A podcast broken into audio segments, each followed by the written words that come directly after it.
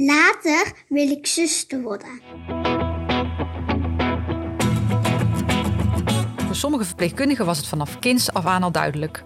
Anderen stapten later in. Kortom, de passie voor dit vak zit in je hart en dat blijft zo. Maar is het nog wel zo mooi? Hoe zien verpleegkundigen hun eigen vak veranderen en wat zouden verpleegkundigen zelf graag anders willen zien? Daarover ga ik in gesprek.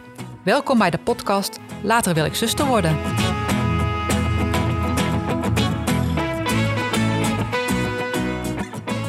Nou, welkom bij een nieuwe podcast. En vandaag heb ik Ilse voor me. Ilse, wil jij je eigen voorstellen? Ja, ik ben uh, Ilse Verhoof. Ik uh, werk als uh, ILD-verpleegkundige op de Polylong in voornamelijk locatie Noord. En voor de luisteraar, ILD, waar denken we dan aan? Is dat dan iets chronisch? ILD zijn hele zeldzame longaandoeningen. En dan moet je denken aan uh, vormen van longfibrose en sarcoidose. En zijn heel zeldzaam, dus uh, waarschijnlijk ken je ze ook niet. Uh, maar daar begeleid ik die patiënten in en medicatie mee opstarten. Maar vooral ook echt die begeleiding. Dus eigenlijk heel veel in gesprek gaan. Heel veel in gesprek gaan, ja. En is dat ook het leukste wat je aan ja, dit vak eigenlijk vindt? Dat je, dat je die patiënt heel dicht bij je kunt hebben? Ja, je hebt, je hebt echt wel um, een toegevoegde waarde voor die patiënt. Ik ben uh, ook heel snel en goed bereikbaar voor die patiënt. En omdat het allemaal zo ingewikkeld is en zo zeldzaam, kunnen ze heel vaak hun vragen niet kwijt. Huisartsen weten heel vaak niet wat de ziekte inhoudt. Dus daar kunnen ze eigenlijk ook hun vraag niet uh, neerleggen. En ja, dat vind ik een hele fijne en, en leuke rol. En voor de ene ben je harder nodig dan voor de ander.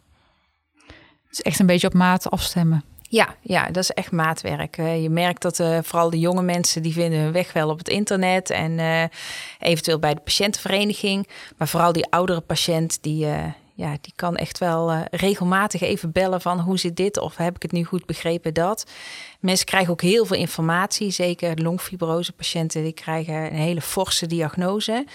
Ehm, ja, goed, en dat geeft heel veel vragen. En het eerste gesprek hoor je heel veel. En ik denk dat de patiënt misschien een kwart opvangt van wat die dokter allemaal vertelt. En vaak ben ik dan degene die daarna nog een keer dat gesprek heeft en nog alles weer een keer herhaalt. En uh, ja, kijkt dat die patiënt zo goed mogelijk begrijpt waar hij uh, mee te dealen heeft. Fijn dat jij er dan bent, zeg maar, hè, voor zo iemand. Ja, ja. Wij hebben elkaar leren kennen op, op jouw poli. Klopt. Um, want we zouden zomaar eens gaan starten met advanced care planning gesprekken. Um, nou, misschien hebben sommige mensen er al van gehoord, maar het is misschien ook fijn om even uit te leggen wat we daaronder verstaan. Kun jij een beetje uitleggen um, hoe zo'n gesprek ja, in elkaar zit? Ja, wat, uh, wat we zeg maar nu een beetje aan het doen zijn, is die patiënt die uh, ja, toch wel een, een, een ziekte heeft die progressief is, hè, dus die uh, uiteindelijk gaat toenemen. Die proberen we in ieder geval met elkaar in gesprek te gaan. Eigenlijk het liefst op een rustig en stabiel moment.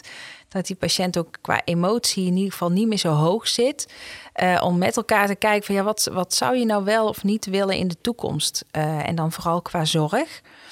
En uh, ja, we zijn 1 juli begonnen. Dus we hebben nu een aantal gesprekken gehad. En ja, de meest mooie dingen komen daaruit naar voren.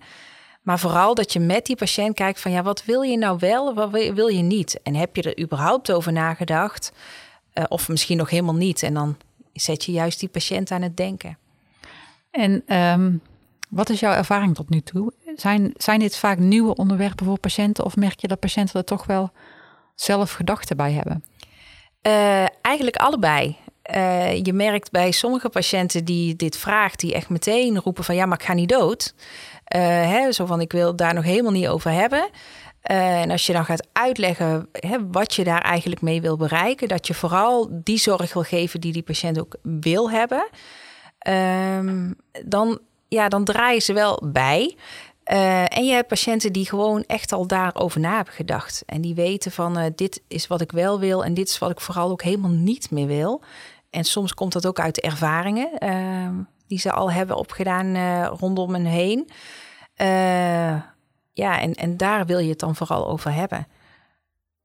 Ja, ik heb één gesprek bij jou, um, ja, hebben we samen gedaan. Ja, ik vond dat heel er gebeurde heel veel, hè? Ja. En ehm, ik merk dan, er gebeurt ook iets met jezelf. Ja, zeker weten. Ja. ja. Kun jij eens uitleggen wat het doet met jou als professional als jij zo'n gesprek voert? Nou, je hebt uh, in zekere zin best wel een heel intiem gesprek uh, met elkaar. Ja. En, en uh, ook hele beladen onderwerpen natuurlijk. Hè? Want je hebt toch over een stukje ja, van iemand gaat uiteindelijk dood. En hoe wil je dan dat dat zou gaan? aan de andere kant komen er ook heel veel vragen van wat als dit? Of ik ben bang voor bijvoorbeeld in ons geval uh, om te stikken. Of uh, hè, dat ik de regie niet meer zal hebben. En hoe gaat dat dan? Um, ja, ik, vind fantastisch mooie gesprekken. Ik moet zeggen dat ik, als ik er twee achter elkaar doe, ik ben ongeveer een uur per gesprek kwijt. Dan heb ik daarna wel even ruimte voor mezelf nodig om het allemaal te laten landen. maar ik word er ontzettend enthousiast van, omdat het, ja, het zijn hele mooie, warme gesprekken. En tot nu toe heb ik ook alleen maar hele fijne reacties van de patiënten teruggehoord. En ook van partner en kinderen. Zo van, hé, hey, ik weet nu wat ik wel of niet kan doen als we in die situatie belanden. En dat geeft heel veel rust ja. dat het besproken is. Ja. ja. Dat ene gesprek, daar zag ik ook echt een opluchting bij die patiënt. Ja. Er was gewoon een opluchting. Um, en zij kon ons ook vertellen wat zij zo belangrijk vond in haar leven. En daarmee kende je die patiënt eigenlijk ja. meteen. Ja, dat, dat vind ik ook echt het bizarre daaraan. Ja. Ik had gisteren bijvoorbeeld ook een hele mooie uh, man van begin 60.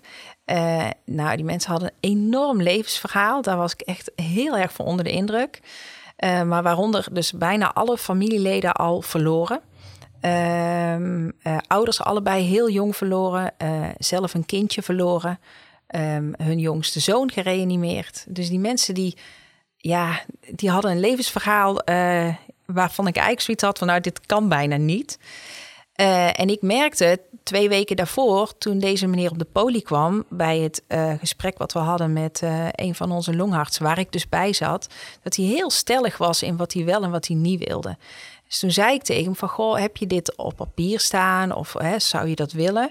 Nou, en hij had eigenlijk meteen zoiets van, ja, maar dit wil ik op papier hebben, want ik weet gewoon wat ik wel wil en wat ik niet wil. En deze meneer had dus eigenlijk alles al op papier gezet. Was daar ooit ook al mee naar de huisarts gegaan. En de huisarts zegt: Ja, maar die moet bij de notaris zijn. Je moet niet bij mij zijn, moet bij de notaris zijn. En dat was het. En eigenlijk het gesprek wat we gisteren hadden was precies vastleggen wat hij in die papieren had opgeschreven. Ik zeg, ja, dit hoeft helemaal niet bij een notaris. Dit moet gewoon bekend zijn bij zorgprofessionals waar je mee van doen hebt. En uiteindelijk is het gesprek enorm uitgelopen. Uh, maar ontzettend waardevol. En die man was uiteindelijk dus echt in tranen omdat hij nu had bereikt waar hij eigenlijk al heel die tijd tegenaan aan het hikken was, maar waar hij van die niet wist waar hij het moest neerleggen. En dat hij ook zei: ja, iedereen moet dit doen, zei hij. Iedereen moet dit doen.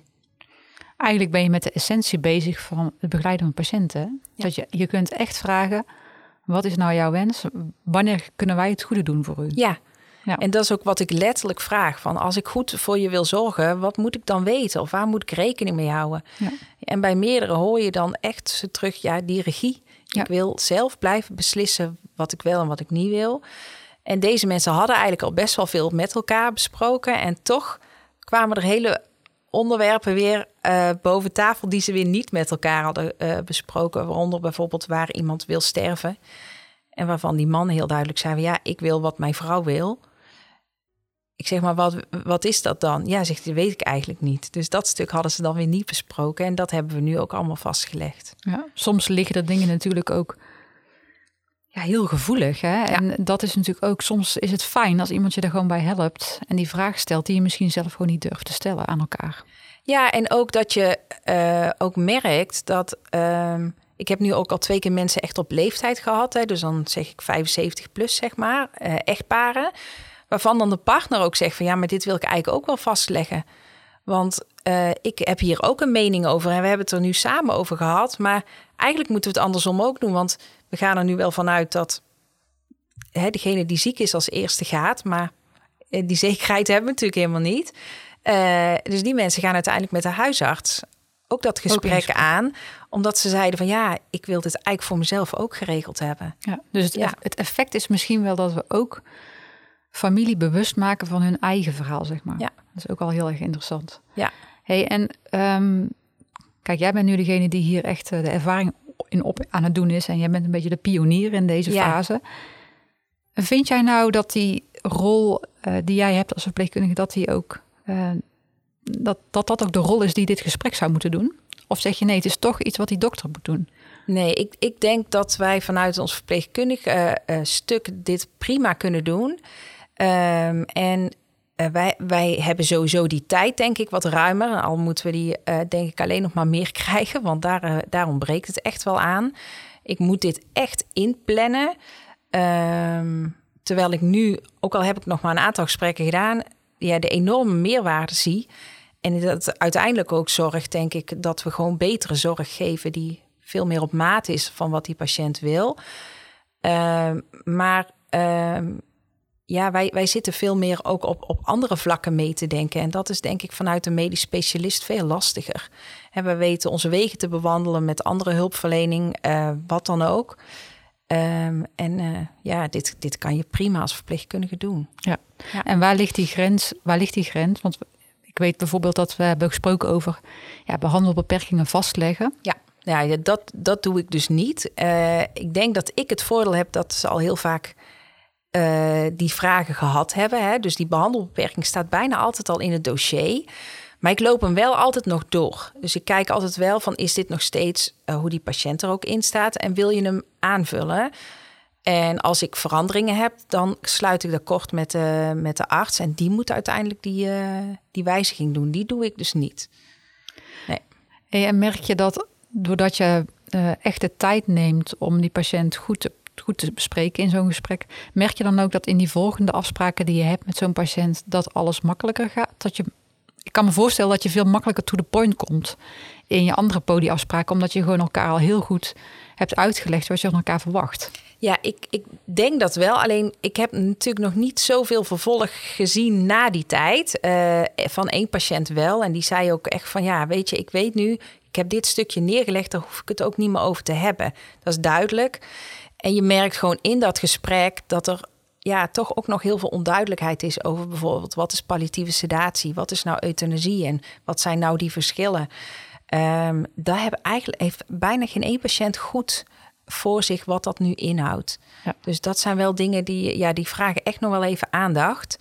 En het stukje euthanasie is dan ook iets wat ze dan met de huisarts eh, verder oppakken. Hè? En dat zet ik dan ook in de brief. Van goh, de, de patiënt wenst dit nog met de huisarts te bespreken. Hè? Zodat die huisarts ook weet van eh, dit, dit is nog iets om, eh, om te doen. Ja. Dus eh, Dus mo- mogelijk, wat ik jou hoor zeggen, mogelijk is het wel zo dat patiënten toch al iets eerder in actie komen om ook dat soort dingen gewoon te onderzoeken. Ehm, eigenlijk is dat heel, heel gunstig, want Ja. je wil ook dat zo'n patiënt dat uitzoekt als het, eh, als het rustig is en als niet de hectiek en de Ja. paniek er al is. Hè? Ja. Want dan ben je te laat misschien wel. Ja, en je, ja, ik zeg, je merkt tot nu toe wel bij alle patiënten als ze komen dat ze echt wel gespannen zijn, dat het echt wel iets met ze doet. Ik heb ook bewust zelf wel gekozen om, eh, want je stuurt een vragenlijst van tevoren, hè, zodat die patiënt ook een beetje thuis kan voorbereiden met de naaste van ja, wat vind ik hier nou eigenlijk allemaal van? Ehm, maar dat je dan ehm, tijdens dat gesprek zakt die spanning wel weg. Maar het doet wel heel veel met mensen. En, en daarom heb ik ook wel zoiets van... ja, twee weken vind ik ruim genoeg. Als die mensen zes weken zo'n vragenlijst op de mat hebben liggen... en ze zijn daar ook heel erg nerveus over... ja, dat, dat vind ik wel heel lang. Ja. Dat, dat vind ik dan zelf niet zo prettig om dat te doen. Nee, die, die tijd ertussen moet ook niet, eh, het moet ook niet te veel extra spanning geven Nee. als het niet nodig is. Nee, nee, en eigenlijk hoor je ze allemaal achteraf zeggen van... ja, spanning was eigenlijk niet zo nodig... maar dat ze dan toch lastig vinden van welke kant gaat het op... en, en wat krijg ik precies te horen... Ja, tot nu toe zijn die mensen eigenlijk allemaal heel erg blij en, eh, en opgelucht ook. Van ja, weet je, dit is eindelijk besproken. En eh, mijn naasten weten ook tot nu toe. Ja, krijgen de kinderen dan ook nog zeg maar een kopie van, eh, van het verslag? Want dat stuur ik dan ook nog naar die patiënt toe. Zodat ze ook een soort naslagwerk hebben over een half jaar of over een jaar. Van, "Goh, wat heb ik daar ook alweer vastgelegd? En vind Ja. ik dat nog steeds zo? Of moet ik daar nog een keer een nieuw gesprek over hebben? Maar ook dat de kinderen weten van, oh, hè, eh, vader, moeder wil dit. Eh, ja, zodat dat ook voor hun duidelijk is. Ja. Hey, en dit is natuurlijk iets wat jij nu bij best een specifieke patiëntencategorie doet. Ja. Ehm, longpatiënten die echt weten dat die ziekte vrij snel achteruit gaat. Vind jij nou dat zo'n gesprek voeren ehm, eh, voor alle patiënten zou kunnen gelden? Ja, ik denk dat je, ehm, dat je sowieso hè, mensen die chronisch ziek zijn of boven een bepaalde leeftijd, dat je daar zeker zou moeten beginnen. Maar uiteindelijk denk ik dat het goed is voor iedereen om daar eens gewoon eens over na te denken. En ja, weet je, hoe jonger je bent, hoe vaker je het misschien zult aanpassen of niet. Ehm, maar ja, ik denk dat het uiteindelijk dus wel zorgt dat er ook heel veel leed uh, voorkomen wordt, omdat je keuzes vastliggen. En dat die keuzes misschien niet voor anderen gemaakt worden, of door anderen gemaakt worden voor jou. Ja. En dat zijn wel dingen die ik uh, in de tijd hiervoor deed, ik COPD en astma. En uh, ja, dat ik dan toch wel eens regelmatig heb gezien dat, hè, dat of familieleden onderling niet op één lijn zitten.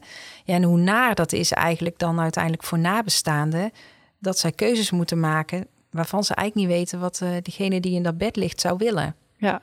ja, en wat ik zelf ook heel erg had, dat gevoel is dat als jij in zo'n gesprek heel goed kunt bespreken samen wat die verwachtingen zijn en wat mensen willen, dat je zelf ook het gevoel hebt van hé, hey, ik ben hier gewoon het goede aan het doen en dat, we doen wat past. Ja. En ja. dat voelt ook heel fijn, ook als professional, want Ja. je weet gewoon, um, je weet gewoon waar je aan toe bent van Ja. twee kanten. Ja, zeker. En, en ik denk dat je daar uh, zeker, uh, hè, als de tijd daar is, dat, dat het voor iedereen helpend kan zijn. We hebben eigenlijk nu al een heel mooi voorbeeld gehad van een patiënt uh, waar ik dat gesprek nog mee heb gehad. En die, nee, ik denk twee, drie weken later op de eerste hulp toch binnenkwam. Wat uiteindelijk niet helemaal de bedoeling was. Maar goed, die had een hoofdwond en kinderen waren redelijk in paniek en hebben toch 112 gebeld, wat ik dan wel begrijp. En uiteindelijk is die patiënt uh, naar de wever toegegaan. Maar je hebt van meerdere, hè, ook vanuit de wever gehoord, maar ook op de eerste hulp. Ja, hoe fijn het was dat dat formulier er was. Dat ze wisten van, nou, deze man is, hè, die heeft keuzes gemaakt. Wat hij wel wil, wat hij niet wil. En dat je dat gesprek niet nog een keer aan hoeft te gaan. Want uh, het lag gewoon vast. Ja, want als jij diegene bent die op die SCH staat... en ik uh, kan me voorstellen als je dan als, als SCH-arts of SCH-verpleegkundige... Um, dat gesprek, ja, er is ook geen tijd, het is ook niet het moment. Nee. Uh, het voordeel dat er dan iets in je dossier staat, wat je gewoon kan lezen en waar je gewoon even op aan kan haken als het nodig is. Ja, ja hoe fijn is dat? Ja, ja daarom. En dat was wel mooi dat je deze ervaring eigenlijk al zo heel snel hebt gehad. Ja. Dat je ziet van ja, weet je, en het is goed terug te vinden, hè, ook in het dossier. Dus uh, dat zijn dingen die, die echt nodig zijn uh, om, ja, om het te kunnen laten slagen, denk ik. Ja.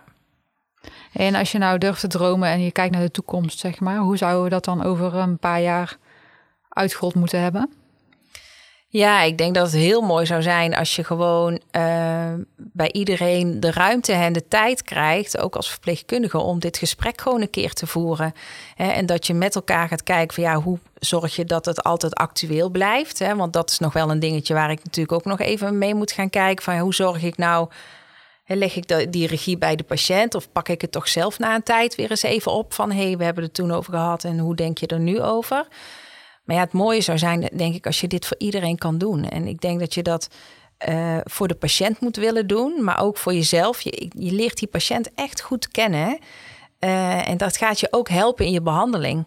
Omdat je weet hoe die in het leven staat, hoe die dingen ziet. Um, ja, dat, dat is heel waardevolle informatie. Ja, een behandeling behandeling samen kiezen, zeg maar, is niet alleen puur gericht op prognose, prognoses of op het medische. Het is ook heel afhankelijk, denk ik, van je eigen context. En ook ja. inderdaad, hoe sta je in het leven? Hoe is je vangnet? Uh, wat is je verleden? Hoe kijk je naar de toekomst? Dat is misschien nog wel veel waardevoller. Ja, zeker. En, en hè, we hebben het gesprek wat wij samen hebben gehad. Ja, die vrouw had bijvoorbeeld geen vangnet.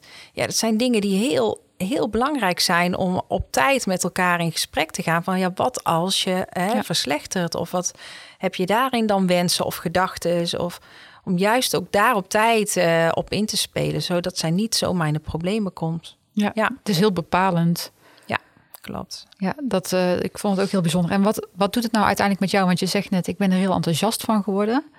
Um, kijk je dan nu ook heel anders naar je vak? Uh, ja, ik denk dat ik gewoon uh, ik had altijd wel het idee dat ik het toegevoegde waarde was voor die patiënt. Maar ik denk dat ik dat nu nog meer kan zijn. Omdat ik uh, nog dichter bij die patiënt kan staan in wat hij wil, uh, wat hij wil en wat hij niet wil. En, en dat we daar samen een plan voor kunnen maken. En dat het niet iets is van, goh, de, de dokter vindt dat je dit of dit moet doen. Maar juist van, ja, wat zou je nou zelf willen? Maar ja, daar hebben ze wel de goede informatie voor nodig. Want anders kunnen ze die keuzes gewoon niet goed maken. En, die, en ja, dat vind ik echt fantastisch uh, hoe je dat kan toevoegen nu. Dus, ja, uh, ja. klinkt echt als een, uh, eigenlijk een hele mooie ontwikkeling. Ja, ik, ik moet zeggen dat ik er zelf echt heel enthousiast van word. En ja, ja, ja, ik zeg, je hebt zo, zulke bijzondere gesprekken, die heb je anders gewoon niet. De, de, kleine stukjes heb je er dan steeds van, denk ik. Of die patiënt moet het maar net toelaten. Maar nu, uh, ja, je bent gewoon echt, je staat meer naast die patiënt voor mijn gevoel.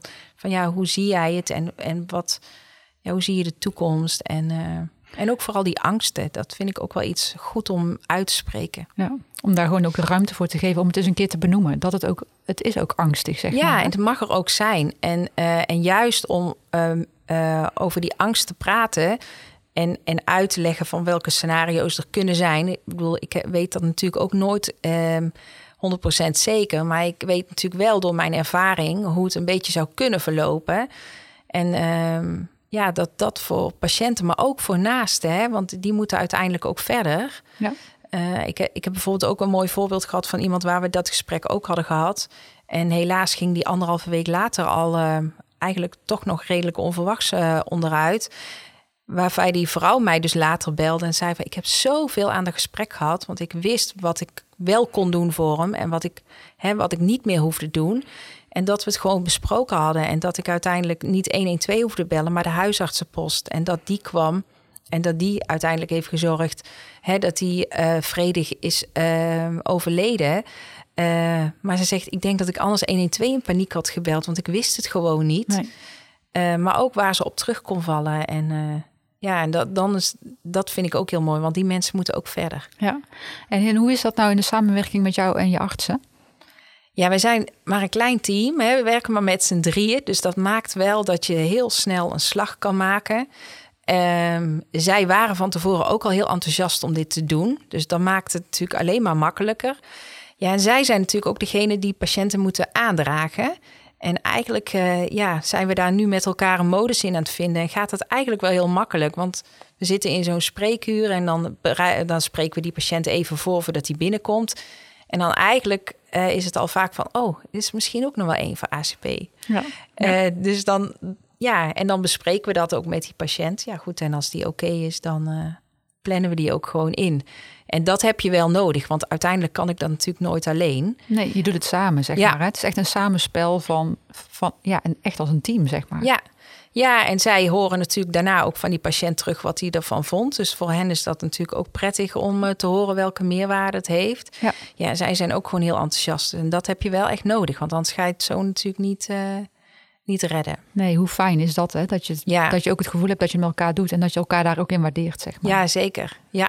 En uh, heb je ook het idee dat, die, dat je daardoor ook het werk van jouw collega, medisch specialisten, wat kan verlichten of wat kan. Ja, je, je, je speelt daarin wel weer een belangrijke toegevoegde rol. Uh, omdat dat natuurlijk ook, en zeker bij onze patiëntencategorie, ja, is ook gewoon een groot stuk van ons werk. Is zorgen dat dat laatste stuk natuurlijk ook goed verloopt. En omdat er weinig kennis is bij de huisartsen, soms gewoon niet hè, van deze ziektebeelden ja, moet je daar ook je rol in pakken. Want uiteindelijk kan die patiënt niet meer naar het ziekenhuis komen.